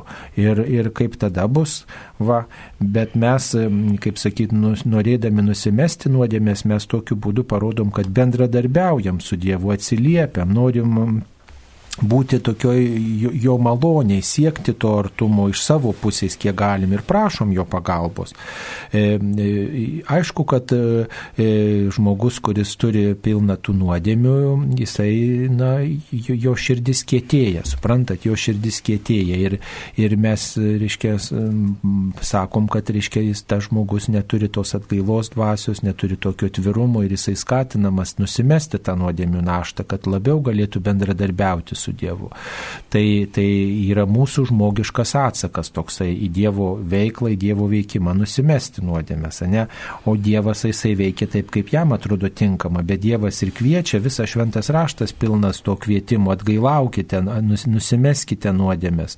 Ir mes turim su tuo skaityti, su tuo Dievo planu, su ta Dievo duota dovana, ne? su tuo Dievo parodytų keliu, atgailos keliu. Ne? Ir jeigu Dievas į tą kviečia, vadinasi, mes turim atsiliepti, o nesakyti, kad tai Dievas vis tiek veikia. Nu, aišku, kad veikia, bet, bet kaip aš bendradarbiauju ar nebendradarbiauju. Ir viešpats paklaus jūsų paskutinę dieną, aš tau daviau malonę, o tu ką, sėdėjai koja ant kojos ir sakėjai, tai Dieve, tu vis tiek mane išklausai, kad ir sunkiose nuodėmėse. E, va, bet, bet, reiškia, kur buvo jūsų atsakas, mielas klausytojai, į tą Dievo, dievo pagalbą? Ar tai buvo tas toks, tai matai, vis tiek Dieve tu veikė, vis tiek čia reiškėsi. Ar buvo tas noras viešpatė tikrai tu man padėjai viską ir aš tikrai va tau atsiliepsiu, aš keisiuos, aš gyvensiu, kaip tu kvieti, kaip tu mokai. Taip, tai dabar dar e, turim vieną tokią žinutę. E, noriu paklausti, ar galiu užprašyti šventasias mišes per Mariją radiją ir kokiu būdu perduoti auką. Tai jūs galite paskambinti bendruoju mūsų telefonu ir taip pat galite užeiti į Marijos radijos studiją ir tada dėl visų aplinkybių sutarsite. Taip, dabar padarysime pertrauką. Mėlyjei, tęsėme laidą Klaus drąsiai. Šioje laidoje dalyvauja kunigas iš Kauno arkikatedros bazilikos, mm, kunigas Robertas Grigas, prie mikrofono esu ir kunigas Saulis Bužauskas. Taip mums atsiųsta keletą žinučių, štai viena, kodėl pagal šarvojimo paprotį patalpoje, kur pašarvotas žmogus, uždengiami veidrodžiai apie tai paminėjo vienas kunigas. Na tai mm, nežinau, tai gal daugiau susijęs su kažkokiais prietarais uždengti tuos veidrodžius, šiaip tai uždengia ir sėtynus, ir, ir ir, ir, ir, ir visokius langus uždengia, na tai tokioj prieblandoj e, meldžiamasi prie mirusiojo, na tai kad tiesiog neblaškytų žmonės e, taip jau, e, taip sakant, tokioj pagarboj, kad išgyventų gedulą, susikaupimą. Yra tas paprotys, bet tikrai nereikėtų labai kreipti tokią prietarų pusę. O be to dabar dauguma mirusiųjų šarvojami laidojimo namuose, kur nėra jokių veidrodžių ir tas reikalas iš karto atpuola. Ar lietuvių kalba yra enciklika Fratelli Tutti? Dar nėra, bet yra ištraukos ir jas galima surasti internete. Mm, taip, man jau virš 70 metų, prašau paaiškinti, ar nuodėmėje eiliniais penktadieniais nesilaikau pasninko. Taip, pasninko mm, galima reikėtų laikytis e, taip iki 65 metų man atrodo, toks yra biskupų konferencijos nutarimas, tačiau Tačiau iš pamaldumo mes taip pat ir vyresnius kviečiame žmonės laikytis pasninko, bet jis nėra privalomas vyresniam žmogui arba ligoniui arba keliaujančiam žmogui, štai kuris yra kelionėje ar, ar kokioje šventėje dalyvauja, tas pasninkas nėra privalomas tokiais atvejais. Tačiau mes visi iš solidarumo, kiek pagal kiek galime, e, nu, esame kviečiami išgyventi tą atgailos nuotaiką. Taip, kokį vaidmenį choristų dvasinėme gyvenime atlieka bažnytinio choro dvasios tėvas? Kunigė, ar jūs apie tokį girdėjote, choro dvasios tėvas? Turbūt e, bet kuri žmonių bendruomenė gali pasikviesti ar paprašyti kunigą, kuris e, sutiktų labiau rūpintis e, tos bendruomenės ar kio bažnytinio kolektyvo, kaip čia paminėta, choro dvasinių gyvenimų, ar patarti, ar žmonėms pageidaujant išklausyti jų išpažinčių, ar rūpintis dvasiniais tokiais patarimais, vedimu, palaikymu. Bendra tokia gera krikščioniška atmosfera toje bendruomenėje tarpusavio sutarimu, kad būtų įvairios trintys ar tarpusavio konfliktai, kurių būna turbūt kiekvienoje žmonių bendruomeniai pagarbiai sprendžiami, tai tikriausiai, tikriausiai gera. Nebūtinai ten kažkaip turbūt formaliai įteisinti, paskirti tą dvasios tėvą, bet susitarti, jeigu tai yra koks parapijos, bažnyčios chorą, susitarti ar su klebonu, ar su kitu dirbančiu kunigu, kad jisai jo tokio dvasinio dėmesio palaikymo tai bendrijai parodytų. Tai manau, kiekvienai tikinčių bendruomeniai yra, yra svarbus ir gali būti e, dvasiškai vaisingas toks e, vadovavimas ar palaikymas. Taip, norėjau paklausti, jei Lietuvoje bažnyčia atskirta nuo valstybės, tai ir vyriausybės kompetencija yra reikalauti, kad bažnyčiose nebūtų švestų vandens arba šventoji komunija dalinama į rankas. Na tai pirmiausiai Lietuvoje nėra atskirta bažnyčia nuo valstybės, bažnyčios nariai yra ir valstybės piliečiai, yra bendradarbiai mm, bažnyčia ir valstybė, ypač doros klausimuose moralės klausimuose tikrai yra, yra tokie kartu einantis, kartu keliaujančios institucijos ir nėra čia kažkokio atskirimo ar supriešinimo. Tai viena. Antras dalykas, tokius klausimus galbūt valstybė rekomenduoja, taip pat pasako, patarė, bet, bet viskupai tiesiog arba tą priima arba nepriima to dalyko. Jeigu jūs komuniją primsite į burną, tikrai kunigas jums į, į burną tą komuniją e, įdės. Tikrai, jeigu neištiesite rankų, jums nebruks į, rank, į rankas, jeigu jos nėra ištiestos. Tai būkite e, tuo, kaip sakyti, tikri ir, ir pagarbiai tą priimkite. Taip. E, dar viena žinutė Kunigė Robertai, prašau atsakyti, kodėl dauguma kunigų žongliruoja bibliniam tiesom, nuslėpdami esmę, juk tai subtilus melas, vergystė velniui. Nu va, e, apie šeimų maršą dar čia, kad mes ne už šeimą, nes šeima rūpinasi žemiškais reikalais ir yra pasidalijusi. Taigi kaip mes galėtume pakomentuoti čia tokią žinutę? Turbūt negalėtume taip tvirtinti įsitikinę, kad tyčia samoningai kunigai žongliruoja bibliniam tiesom ar tyčia stengiasi slėpti esmę. Dažnai tas, na, kunigų kaip ir turbūt kiekvieno tikinčio žmogaus tikėjimo liūdėjimas, skelbimas susijęs ir su žmogaus asmenė patirtimi, kartais ir su charakterio savybėm.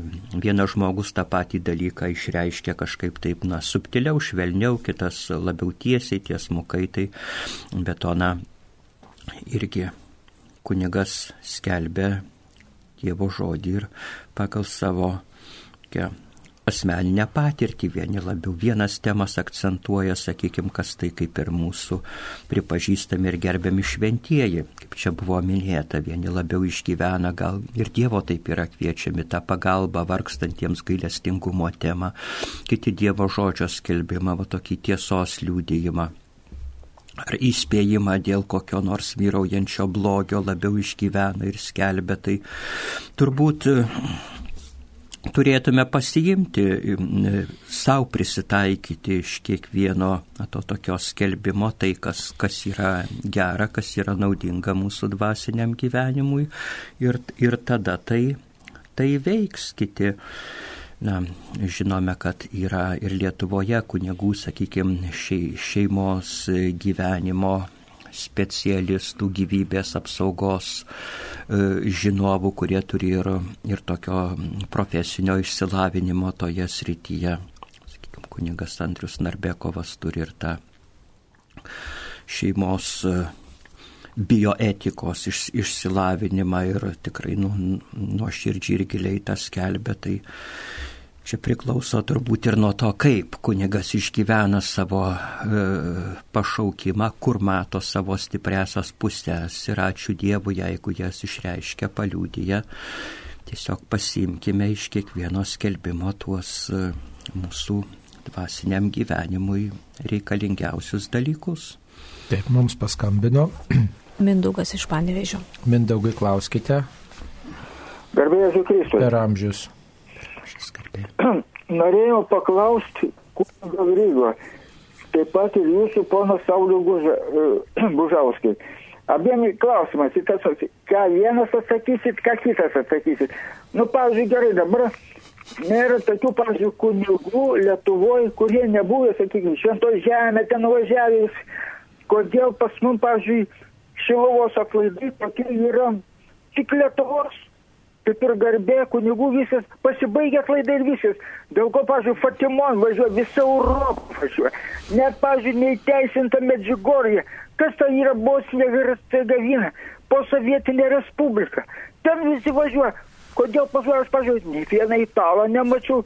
Nu, Lenkai, net Lenkų nėra, pažiūrėjau, Šiluvoje. Taip, supratom. Ačiū, ačiū, supratom jūsų klausimą apie Šiluvos atlaidus, kodėl į Šiluvą nevažiuoja iš kitų kraštų. Nu, aš atsakysiu taip, kad, reiškia, Šilvo žinia yra nuvilnijo ir jinai vat, liko Lietuvos ribose, kad Marija pasirodė, jinai paklausė, kodėl čia dabar ariama ir siejama, o kitados buvo garbinamas sunus. Nu, va, ir tas klausimas taip ir liko, va, ne, mums visiems, visiems laikams. O, tai Tai va ir, ir žmonės, na, turbūt kiti gal sako, nu tai čia paklausė, paklausė ir kas iš to, ne? Tai čia lietuviai, va prisimena, brangina, remiasi ankstesniem tradicijom, kad vykdavo tėvai, seneliai ir, ir tai pamaldumas yra palaikomas, va, kad čia pasirodė Marija. Kas dėl, pavyzdžiui, Fatimos, tai matot, tenai daugiau buvo tokio prieškimo turinio, daugiau visokių žinių, daugiau visokių patirčių buvo, daugiau tų liudytojų buvo ir tai dar ir tikriausiai dar daugiau gal žmonės ir meldžiasi ir, ir daugiau visokiausių stebuklų patiria. Tai tos pamaldumas tiesiog labiau yra išplitęs. Na, tai, mm, tai vienas dalykas, pavyzdžiui, liurdė taip pat yra daugiau su sveikata susijusi vieta, kai žmonės išprašo sveikatos ten nuvykę. Mm, nu va, tai mm, galbūt ir tos garsas pamaldumų yra pasklidęs plačiau. Na, tai va tokios būtų priežastis.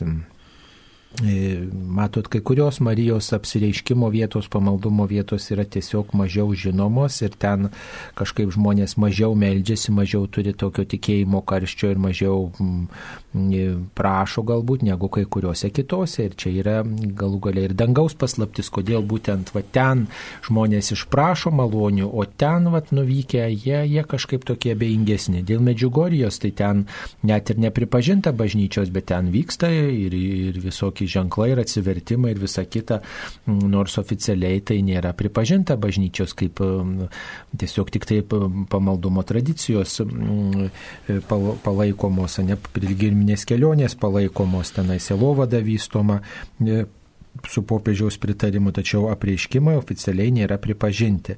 Tai tiesiog tai yra tai yra tokia vieta, kur, kur žmonės vyksta, e, atsiremdami į kitų žmonių pamaldumą ir taip pat mm, trokšdami galbūt ir pokyčių savo gyvenime. Ir ten tikrai yra maldos nuotaika išgyvenama daug giliau negu bet kur, pavyzdžiui, žemėje. Ar ne daug, daugybė žmonių iš pažinties prieina ir panašiai.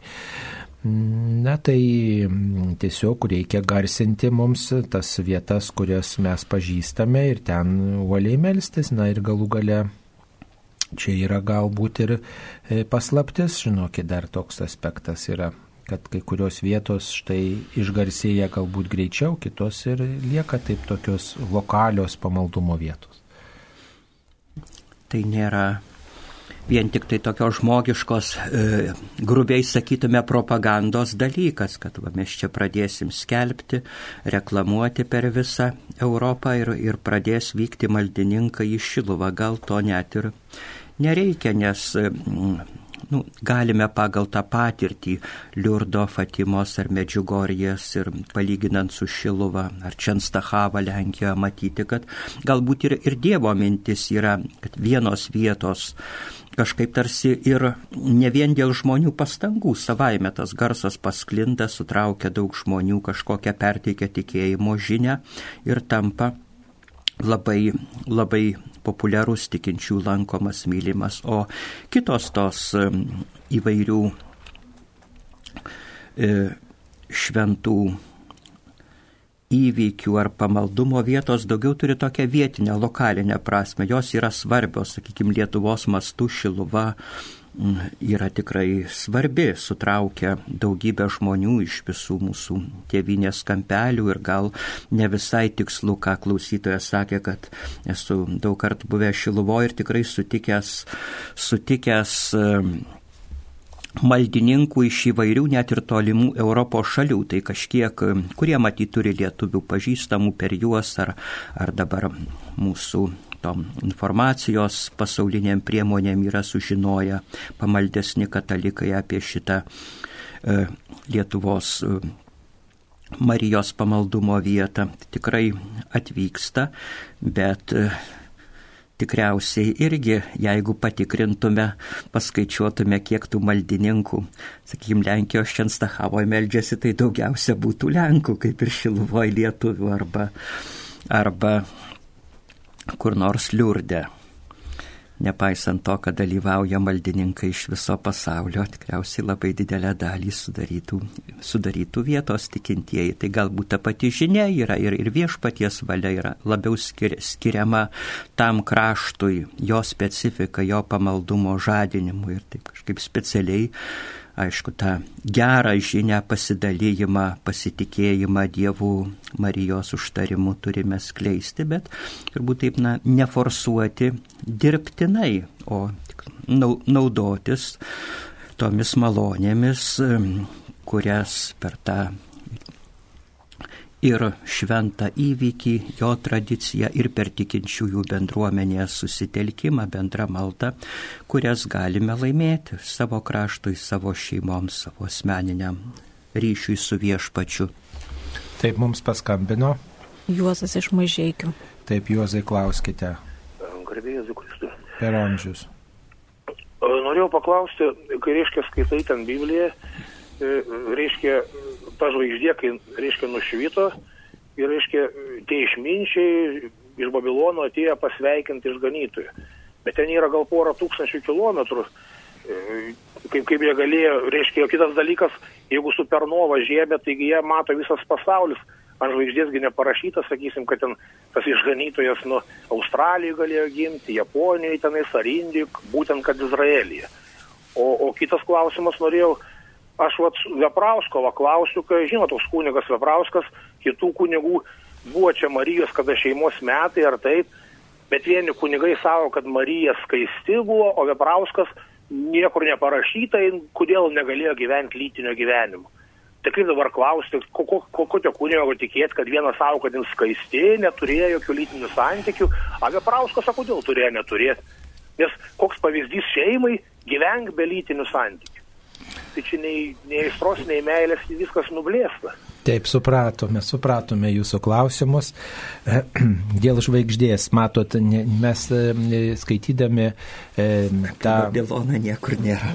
Taip, e, skaitydami tą istoriją apie vis dėlto karalius, išminčius, kurie aplankė gimusi kūdikėlį Jėzų, turim truputėlį giliau žiūrėti, bet ne vien tik tai pažodžiui, kad kad štai pasirodė žvaigždė ir visi ėjo. Na, e, tai daugiau turi tam tikrą tokią e, gilesnę prasme, kad e, vis dėlto buvo paskatinti žmonės išeiti, turėjo tam tikrą Dievo artumo patirtį, kad juos viešpats vedė, kad juos lydėjo viešpats per įvairių ženklus, kad jie skaitė tos ženklus. Vat apie tai daugiau ar ne, ir kad žmonės iš svetimų kraštų atkeliavo tautų karaliaus pagarbinti ir atėjo pagerbti viešpatė su dovanomis svetimos, svetimų kraštų, svetimtaučiai atėjo pagerbti žydų karaliaus kaip gelbėtojo ir pagerbė ne erodo rūmose, bet, bet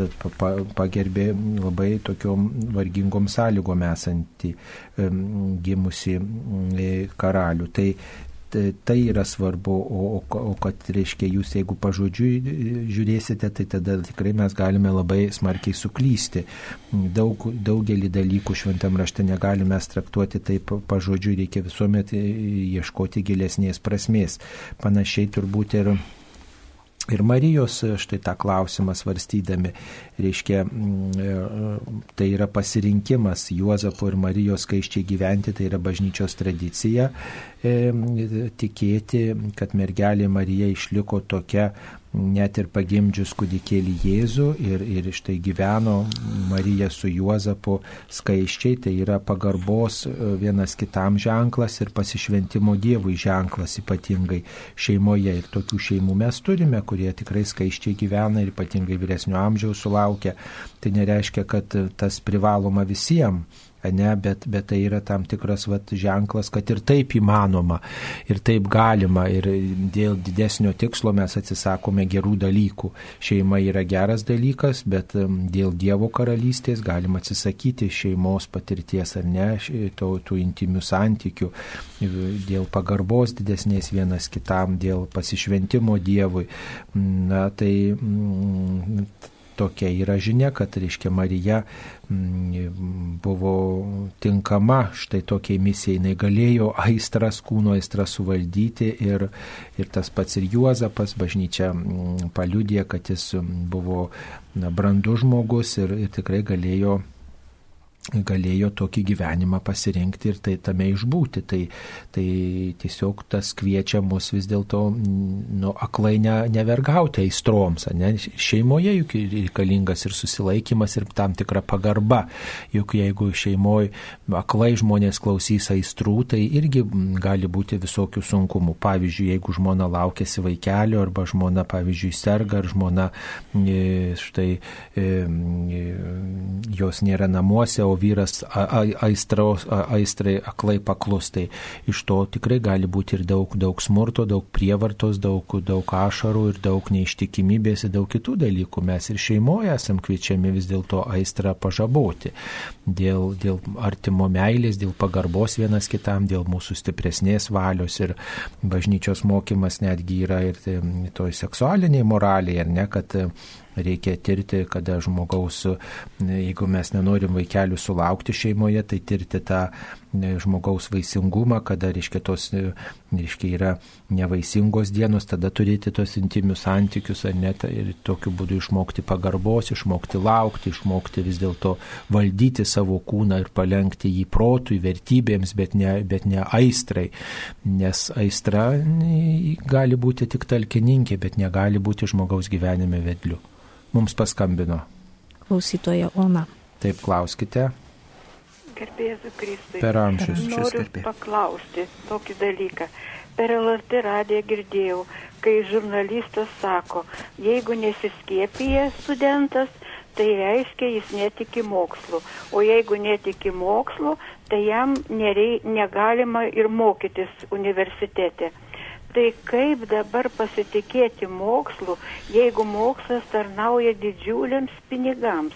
Ir kaip dabar pasitikėti, kada dvi vakcinacijos praėjo, dabar sako trečia, ketvirta, penkta ir šešta, jeigu ta vakcina eksperimentinė, genetiškai modifikuota, neaišku apie šalutinius poveikius ateityje, pavyzdžiui, vaikams kaip skiepyti, jeigu jie nesunkiai serga. Taip, supratom jūsų klausimą. Nu, matot, mes čia, čia tais klausimais tikrai ne, nesam e, išmintingi daug kalbėti, mes tik tai, reiškia, galim, bet kaip privatus asmenys, ne, ir tikrai bažnyčia, popiežius yra pasisakęs, kad vakcinacija patartina, reik, rekomenduotina, reikalinga, reiškia, ir, ir, ir tikrai jis pats vakcinavosi, žinom, kad ir kiti kunigai ir viskupai vakcinavosi, jeigu mums tas yra nepriimtina, tai kalbėkim su savo specialistais, su mums autoritetingai žmonėmi, tikrai čia ne ta vieta. O šiaip mokslu nereikėtų tikėti, tikėti reikia Dievu. vou. Mokslu galim kliautis, štai svarstyti tuos argumentus mokslo, tikėjimo objektas turi būti Dievas vis dėlto šiaip, o mokslas tai yra mokslas, šiandien yra jo tokie pasiekimai, rytoj bus kitokie pasiekimai, ką šiandien mokslas pateisina, kitą dieną pasakys, kad vis dėlto čia buvo kitaip, va, reiškia, yra kitokie jau toj srity, reiškia, keičiasi tas, tik vienas Dievas yra amžinas ir jis niekuomet nesikeičia. Tas posakis tikėti mokslu iš tikrųjų yra toks paradoksalus, nes iš tikrųjų tikėti galime Dievu, galime tikėti dvasinėmis vertybėmis, kur ne viską galima vien tik tai racionalių protų įrodyti, bet ir žmogaus tokia gyvenimo patirtis ir intuicija. Ir mums perduotas tradicinis paveldas veikia mokslą, reikia, kaip taikliai pasakė ne vienas mokslininkas mokslą reikia studijuoti ir analizuoti, o ne tikėti. Čia nėra tikėjimo sfera. Taip. Kodėl gerųjų dangaus dvasių pagalbos reikia prašyti, o piktasis veikia neprašomas?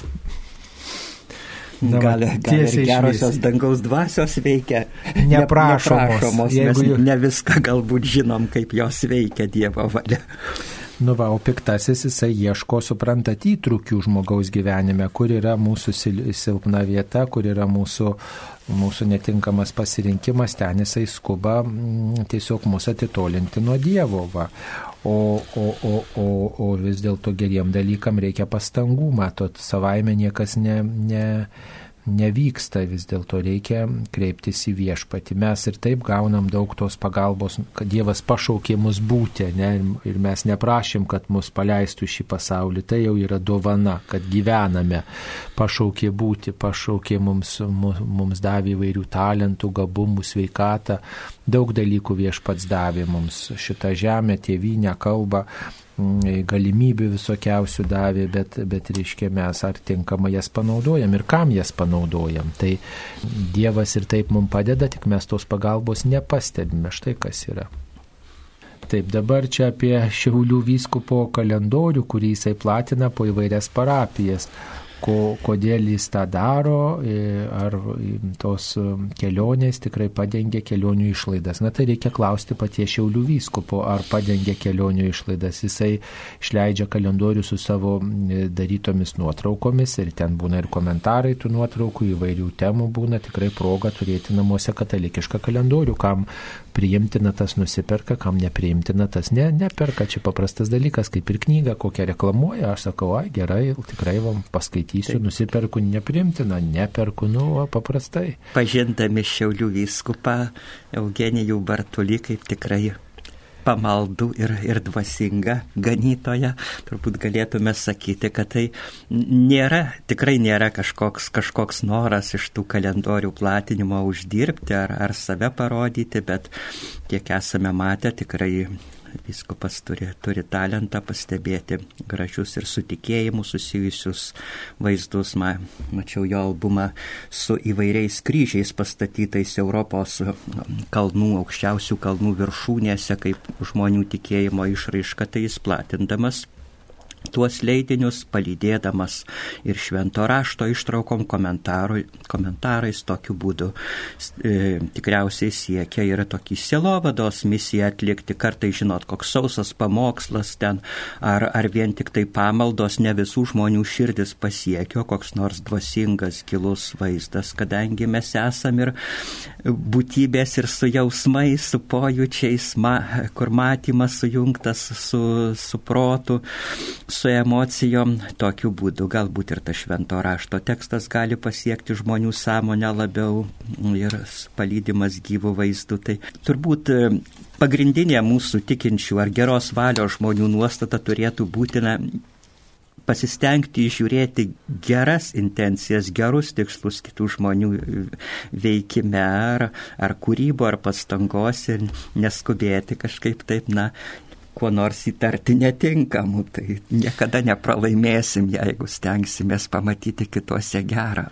Bet to pagalvokite, žiūrėdami nuotraukas iš įvairiausių vietų, mes tiesiog praplečiam savo žinias, mes ten gal niekada nenukeliausim, bet turim progą susipažinti su įvairiomis vietovėmis ir kito žmogaus tokiu žvilgsniu į daugelį dalykų, objektų, santykių, peizažo, žodžiu, įvairių kampelių. Tai tikrai tai yra galimybė, galimybė plėsti akiratį.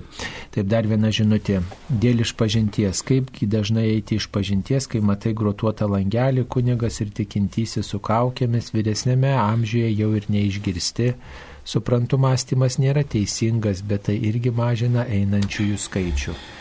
Na tai tos kaukės yra apsauga šiuo metu, apsauga nuo, nuo galimų užsikrėtimų, nuo to viruso, kad, kad tikrai būtų, būtų apsaugotas ir tas žmogus, kuris eina iš pažinties, penitentas ir tas, kuris klauso iš pažinties kunigas. Tai taip, o kaip dažnai eiti iš pažinties, na tai čia jūs pati sprendžiate, šiaip rekomenduotina eiti kartą per mėnesį eiti rekomenduotina, šiaip jau reikėtų bent keletą kartų per metus nueiti vyresniam amžiui, pavyzdžiui nes e, tada yra proga apmastyti savo gyvenimo istoriją truputėlį, su, su savo pasirinkimu, santykius, tam reikėtų pasiruošti, o ne tai, kad ten, žinai, nieko blogo nepadariau, daugiau nuodėmių neatsimenu. Tai, nu, pagalvotų vis dėlto, o, o, o ar mano abejingumas ar nėra nuodėmė, ar mano tinginystė nėra nuodėmė, yra Dievo įsakymai, yra septynios didžiosios nuodėmės, ties jomis taptelti ir ne tai, kad nieko nežudžiau, bet kokia mano buvo kalba ar savo žodžiu aš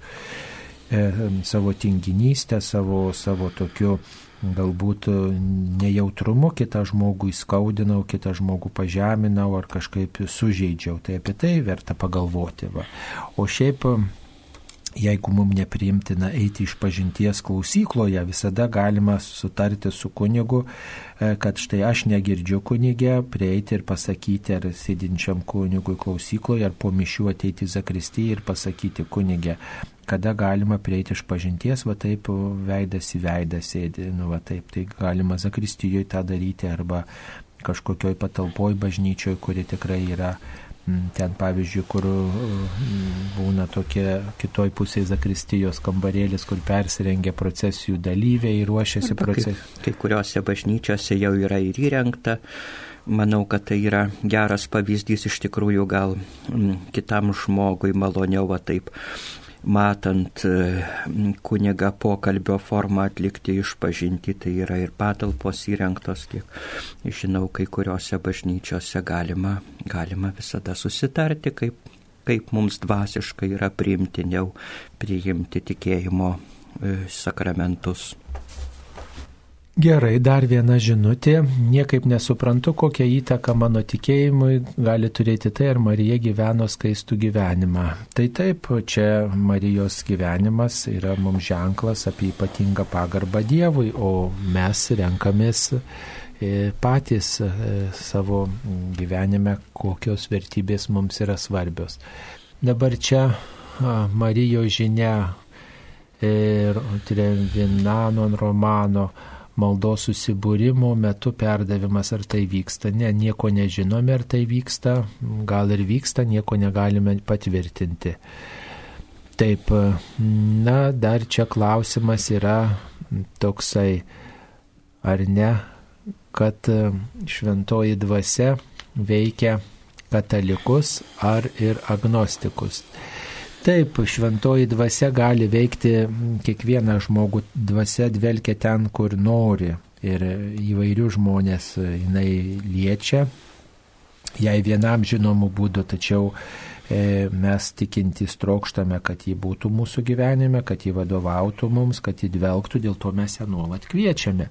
Dėl to mes trokštam e, tos dvasios prisilietimo, vedimo, va, O netikinti žmogus, jis to nenori, jisai pasirenka laisvai nuodėmę, pasirenka netikėjimo tamsą ir jisai gyvena savo pasaulyje. Ir, ir yra tai jo pasirinkimas būti tokiam, tokiam pasauliu, bet kiekvienam netikinčiam žmogui tam tikrą prasme grėsia tikėjimas. Nežinom, kada jį Dievas palies, pavyzdžiui, mirties valandą. Kiek tokių žmonių yra, kur tikrai mirties valandą jie susimasto, kai prisiliečia prie kančios, prie, prie, per mirties vartus eina.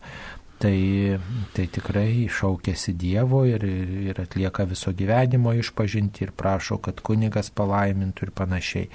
Galų gale net jeigu ir nieko neprašo, mes nežinom, kaip tas susitikimas su Dievu vyksta. Tai yra didžiulė paslaptis. Bet mes kviečiame, esame visi tikinti žmonės melstis už save, už savo brolius ir seseris ir taip pat už, už kitus e, už kitus žmonės. Taip, net ir tuos, kurie netiki, netiki į Dievą. Dar vienas klausimas yra apie tinginystę. Kaip atsikratyti tinginystės, kunigė? Tinginystės. Ar įduosit kokį receptą? Galima vieną tokios praktinės patirties receptą pasakyti. Turbūt kaip ir visose gyvenimo srityse, kur reikia tam tikros valios pastangos, tokio įsakymo savo ar impulso atlikti kokį nors pareigą reikalingui darbui. Turbūt yra svarbu ir Dievo pagalbos prašant ir savo valios ar proto pastangom žengti tuos pirmuosius žingsnius, pirmą, antrą, trečią žingsnį ir dažnai, kai žmogus tai padaro su tokios dvasinės pastangos, jeigu yra labiau įsigalėjusi ta tokia, tokios apatijos ar vidinio sąstingio būsena, tai prašant ir Dievo pagalbos. Ir žengus tuos pirmuosius žingsnius paprastai, kai mes iš, tarsi išjudiname save, pradedam veikti, daryti, ar, ar net ir dvasiniai plotmiai, turbūt maldos plotmiai, ar kokios pareigos išorinio darbo srityje pradame daryti, tai kas yra tuo metu teisinga, kas yra mūsų pareiga. Po kiek laiko ateina ir to tokio darbo ar kažkokio įveikto barjero, galbūt įveiktų vidinių sunkumų džiaugsmas ir jau tampa, tampa lengviau tuo keliu eiti. Turbūt čia yra visų gyvų būtybių ir ypač protingų, mąstančių būtybių tokia, na, patirtis, kad arba pasiduodi, leidėsi nešamas rovėjas, pasiduodi tokiam na, sąstingiui, apatijai, nieko neveikimui. Ir tada tai, na, galbūt įveda žmogų į tam tikrą tokį vidinę destrukciją, kūrybinių galių apmirimą arba vis mėgini, taip tarsi, tarsi, vaizdžiai sakant, peršokti save, įveikti save tą, tą sąstingį dėl kokių nors gerų, teisingų dalykų. Ir, ir tada vyksta kūrybinis mūsų augimas. Tai gali būti toks patarimas. Dar apie išpažinti vienas klausimas, ar kunigams nenuobodu klausytis tas pačias nuodėmės per išpažinti. Tai vad, kunigė, jūs klausotės katedro iš pažinčių, ar jums nenuobodo? Galima būtų vaizdžiai pasakyti, prisiminiau tokį pajokavimą, kaip paštininko kažkoks nuolatinis lankytojas klausė, sako, ar jums nenuobodo ant tų e, laiškų vokų dėlioti vis tos pačius anspaudus kasdieną tas pats ir tas pats. Sako, ne, neįdomu, kiekvieną dieną anspaudai yra kita data. Tai taip yra ir su žmonėm bendraujant, kiekvienas žmogus yra yra asmenybė, individualybė, e, kitoks jo santykis su Dievu, kitokia išraiškos būdas, turbūt kitoks santykis ir su savimi, ir su ta ar ar dorybės gėrio siekimo, ar nuodėmės patirtimi, tai be abejo dažnai žmonių va, tos neigiamos patirtys, savęs tokie e, apkaltinimai ar išpažinimai pasikartoja, bet, nu, Mano atžvilgiu, manau ir daugelio kunigų labai svarbu vaidmenį vaidina kaip tu nusiteiki kokiam santykiui su tuo žmogumi išpažįstančiu nuodėmės. Ir jeigu nusiteiki tokiai atjautai, įsigilinimui, supratimui dėl Dievo, dėl Kristaus, kuris tikime atleidžia mums išpažintie, tai tai iš tikrųjų nėra, nėra nuobodu. Reikia turbūt ir kunigo tam tikro nusiteikimo, kad jis vykdo Dievo atleidimo misiją iš paties vardu jo įgaliojimų. Ir tokio geranoriško, jautraus, va to kito, koks ten bebūtų jo išsilavinimas, ar jo patirtis, ar jo kalties didesnės, mažesnės, va tokio atjaučiančio prieimimo. Ypač jeigu kunigas irgi išgyvena, kad ir, ir pačiam jam reikia atleidimo, kad jam Dievas atleidžia. Taigi jisai nėra kažkoks teisėjas iš aukštos krasės teisiantis tą nusidėlį, bet yra e, taip pat žmogus, kuris prašo Dievo atleidimo, e, pats eina iš pažinties, tai tada tas, na, santykis iš tikrųjų tampa toks, e, sakykime, pirmiausia, tai yra Dievo teikiama dovana atleidimas, bet gali tapti ir toks mūsų asmeniškai auginantis, praturtinantis abipusiai. Nėra nuobodu, nežinau, ką kunigas Saulis pasakytų. Žinot, nuobodžiausiai, kai žmogus ateina, sako, jokių nuodėmių ne, nepadariau ir meldžiu atleidimo, reiškia, tai galvoju, ko tas žmogus atėjo. Labiausiai nuobodu, kai žmonės nepasiruošę ateina, kai ateina bejingi, kai ateina tokie va žmonės, kurie, nu, nu nenori jie tos išpažinties, bet dėl reikalo ateina, dėl dar kažko, va tada yra, nu toks truputį tą skausmą tokį išgyvenu, kad štai žmogus at, a, nesistengia va šito dalyko kažkaip priimti, kaip pagalbos jam, nesistengia atsižadėti blogio, atpažinti blogio, va, va tas toks nepasiruošimas, tas toksai atsainumas arba puikybė, kuri demonstruojama, maždaug visi taip daro, ko, kodėl čia man reikia atsisakyti, to visi taip daro, va tas skaudina labiausiai. E, tiesiog tada būna tas toks nuobodulys ir, ir tas galvoj, tai kam čia gaištam laiką, tu mane gaišinėjai ir aš tave gaišinu čia va ir kad tada neik visai galvoji, bet matyt žmoguje vis tiek kirba tas noras būti geresniam. Taip ir pabaigai, e, štai toks mūsų egzaminavimas. Na, pavyzdžiui, ar žinote abu Kauno kunigai, kurio kunigo sukurta legendinė gesmė pulkim ant kelių? Nu, aišku, kad žinom, tai yra Antanas Trasdas, o ne taip? Taip. Va, ir dar ar žinot Zarasų rajone Marijos apsireiškimo vietą prie kokio ežero? Žinom, prie į, į šitą, prie į kokio ežero? Ilgio. Ilgio ežeras, taip. Prie, prie Imbrado. Imbrado. Nors tai nėra turbūt irgi kaip Medžiugorje bažnyčios pripažinta ta taip. tikrąją prasme, bet, bet ten yra koplytėlė. Neneigiama kaip žmonių tokio pamaldumo, pamaldumo vieta. vietinio tokio pamaldumo palaikymo vieta. Tai kviečia melstis, prašyti malonių ir Dievas tikrai tikime, kad mus aplankys jam vienam žinomu būdu, jam vienam žinomose vietose. Mėly Marijos radio klausytojai, šioje laidoje prie mikrofono buvo kunigas Robertas Grigas iš Kauno arkikatedros bazilikos ir taip pat aš kunigas Saulis Bužauskas. Būkite palaiminti, ačiū visiems su Dievu. Su Dievu.